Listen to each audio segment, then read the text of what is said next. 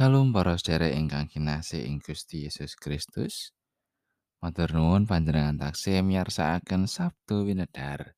Renungan watintenan basa Jawi menika. Sumong sesarengan kita maos pangandikanipun Gusti, kita ndedonga langkung rumiyin. Gusti Allah Rama kawula ing swarga mulya saha langgeng. Sowan malih ing ngarsa paduka kawula para abdi paduka ngaturaken agenging panuwun syukur. Awit kathah berkah paduka ingkang kawula raosaken ing gesang kawula. Ing wekdal mirunggan menika Duh Gusti, kawula nyawisaken manah kawula. Saperlu badhe nampi pangandika paduka. Mugi Roh Suci paring pepadang ing manah kawula. Satemah kawula kasagetaken nindakaken menapa ingkang tetes kersa paduka. Gusti kawula ngrumaosi dereng saged ngecakaken dawuh paduka kanthi sampurna. Tasih kathah dosa kalepatan ing gesang kawula. Mugi Gusti kersa ngapunteni. Matur nuwun Gusti. Wonten ing asmanipun Gusti Yesus Kristus juru wilujeng kawula ingkang gesang. Amin. Para sederek waos dinten menika kapendet saking lelakone para rasul bab 28 ayat 33 ngantos tigang dosa setunggal. Banjur padha namtokake dinane. Ing dina kang wis katentokake iku, wong-wong mau padha teka ing dalem pamondokane Rasul Paulus. Panjenengane nuli paring katerangan lan paseksen bab kratoning Allah sarta yakinake bab Gusti Yesus adhedhasar angger-anggere Nabi Musa lan kitabe para nabi. Pamulange wiwit esuk nganti sore. Ana kang banjur padha nganggep marang pangandikane nanging iya ana kang tetep ora percaya. Banjur padha bubar kelawan bebencengan. Nanging Rasul Paulus isih nglairake pangandika satembung kang mangkene.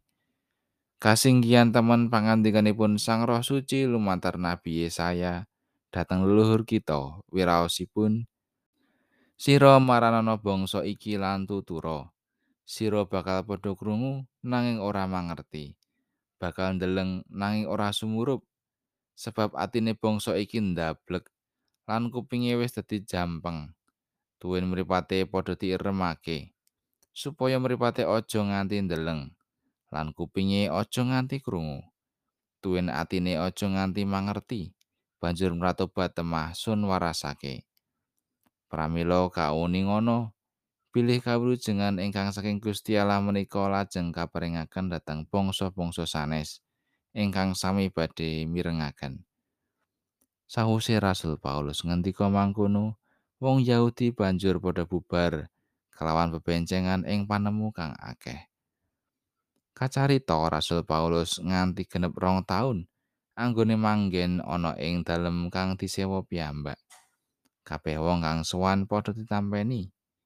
panjenengane martakake kratoning Allah lan mulang bab Gusti Yesus Kristus kelawan tatak sarta ora ana kang mambengi.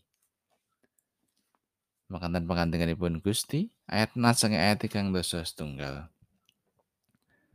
Panjenengane martakake kratoning Allah lan mulang bab Gusti Yesus Kristus kelawan tatak sarta ora ana kang mambengi. Menawi kita purun jagi grengseng ing gesang dalah pangajeng-ajeng kangge mbabaraken kabar kabingan. Prayogi sangat menawi kita nulodo menapa ingkang sampun ketindakaken dening Rasul Paulus. Sanadyan asring katampe rancanganipun asring boten kelampah lan malah nate kaancem badhe dipun sedani. Ananging boten semplah anggenipun makarya menapa ingkang kandhakaken dening Rasul Paulus menika namung kangge ngrengkuh tiang Yahudi. Murih saged nampi sih rahmatipun Gusti. Tekad kangge mbebaraken pawartos kapingan kangge para sedherek Yahudi menika wujuding tresna ingkang tanpa petangan. Lelakone para rasul likur etika likur ngantos tiang setunggal nyerat pambudidayanipun Rasul Paulus paring katerangan pasaksi bab kratoning Allah dhateng tiang-tiang Yahudi ing kitha Rom. Lajeng kados pundi kasilipun? Menapa sedaya tiang Yahudi ingkang sami mirengaken piucalipun Rasul Paulus lajeng sami pitados dumateng Gusti Yesus? kasunyatanipun boten wonten ingkang nampi lan pitados ananging ugi kathah ingkang nampi lan boten pitados dhateng pasaksinipun Rasul Paulus bab Sang Kristus. Pirsa kawontenan ingkang mekaten menika Rasul Paulus boten semplah. Ananging malah sang saya sengkut anggenipun makarya. Rasul Paulus pitados bilih ingkang kelampahan menika ugi kersanipun Gusti Allah. Sanadyan menawi kapetang tata petangan manungsa kaanggep gagal. Pakaran ingkang boten kasil, sedosipun saged nuwuhaken pangajeng-ajeng ingkang langkung ageng dumateng Gusti. Mila saking menika sumangga sami njagi semangat lan tansah makarya kagem kaluhuranipun Gusti. Babagan kasilipun menika wonten ing kawicaksananipun Gusti Allah. Mugi Gusti tansah paring kesabaran dhateng sedaya abdinipun ingkang tansah tu setya leladi lan babaraken kratoning Allah. Amin. Gusti